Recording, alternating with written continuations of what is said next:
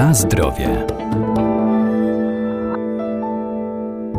Coraz więcej osób decyduje się na bieganie dla zdrowia. Biegamy po ulicach, po lasach czy po specjalnych ścieżkach, bo przyszła moda na bieganie, a to jeden z najbardziej dostępnych sportów i najprostsza forma ruchu. Ale jak się do tego przygotować, by nie nabawić się kontuzji i jakie obuwie wybierać?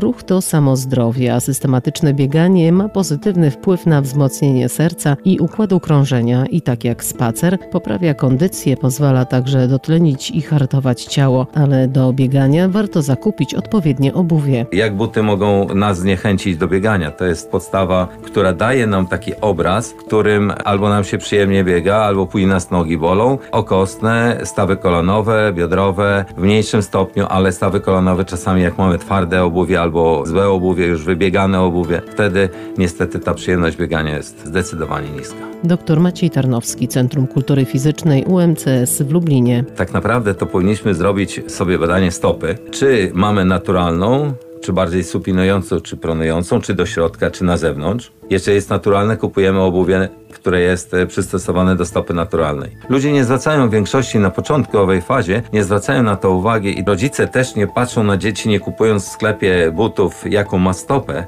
tylko kupuje po prostu buty bo dziecku się te buty podobają. No a niestety tutaj e, świadomość tego rodzica powinna być zdecydowanie większa niż dziecka i taki wybór powinien dokonać rodzic po wcześniejszym przebadaniu stopy. Obecnie często w sklepach sportowych są takie specjalne platformy, w których się po prostu staje i od razu sprzedawca widzi, czy jest stopa do środka, czy na zewnątrz, czy jest supinująca, czy pronująca i to jest właśnie kwestia tego, że mamy jasno określony but, zapoznać się z jakim obuwiem. Nie trzeba kupować od razu e, bardzo drogich butów, bo później może się okazać, że miesiąc, dwa, pół roku i przestaniemy biegać. Ale zawsze twierdzę, że w takich butach, jak gdzieś się wybierzemy, nawet na spacer, zdecydowanie lepiej będzie niż w butach, które po prostu są anty do naszej stopy, do naszej nogi. Inna jest e, rzecz, że mają na przykład jak jest z tyłu pięta, to jeżeli stopa ucieka do środka, to ten środek od strony wewnętrznej musi być twardszy. Jeżeli natomiast stopa ucieka na zewnątrz, to wtedy mamy do czynienia z tym, że nogę musimy wzmocnić i na zewnątrz musi ta gąbka być mocniejsza. Na zdrowie.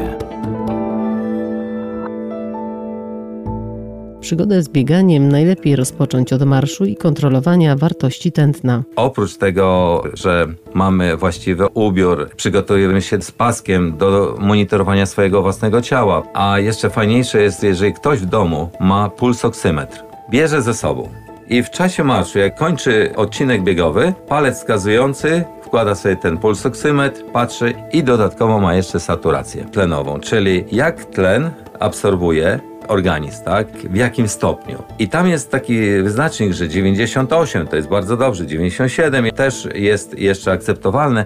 Poniżej tego już po prostu może być tak, że zawodnik, ten, który mm, jest w początkowej fazie tego biegania, po prostu już jest zmęczony. I tak właśnie możemy sobie obserwować nasz organizm i wtedy możemy mówić o pewnym, pewnego rodzaju profesjonalizmie, nawet na tym początkowym etapie. Tętno do 145-150 jest tętnem dla tych początkujących bo później ten drugi zakres 150, 170, 175 to już jest powyżej 175, to już jest trzeci zakres i wtedy następują procesy beztlenowe. Dla człowieka, który zaczyna biegać, takie procesy absolutnie nie są potrzebne. To wręcz skutek będzie odwrotny, bo będzie miał stężenie kwasu mlekowego w mięśniach będzie zbyt duży, będzie odczuwał mocny dyskomfort na trzeci dzień, koniec drugiego, początek trzeciego. Potocznie nazywamy to zakwasami, że zawodnik mówi mam zakwasy. Więc tutaj to tętno do 150 chroni takiego człowieka, który początkowo wykonuje te działania biegowe, marszobiegowe, od tego, żeby takich właśnie nie miał odczuć takiego dyskomfortu. Dlatego też radziłbym, żeby wchodzić w ten proces bardzo spokojnie.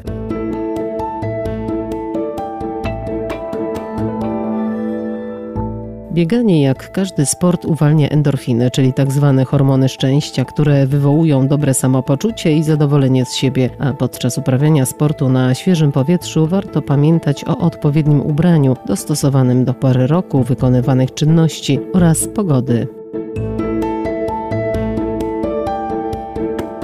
Na zdrowie.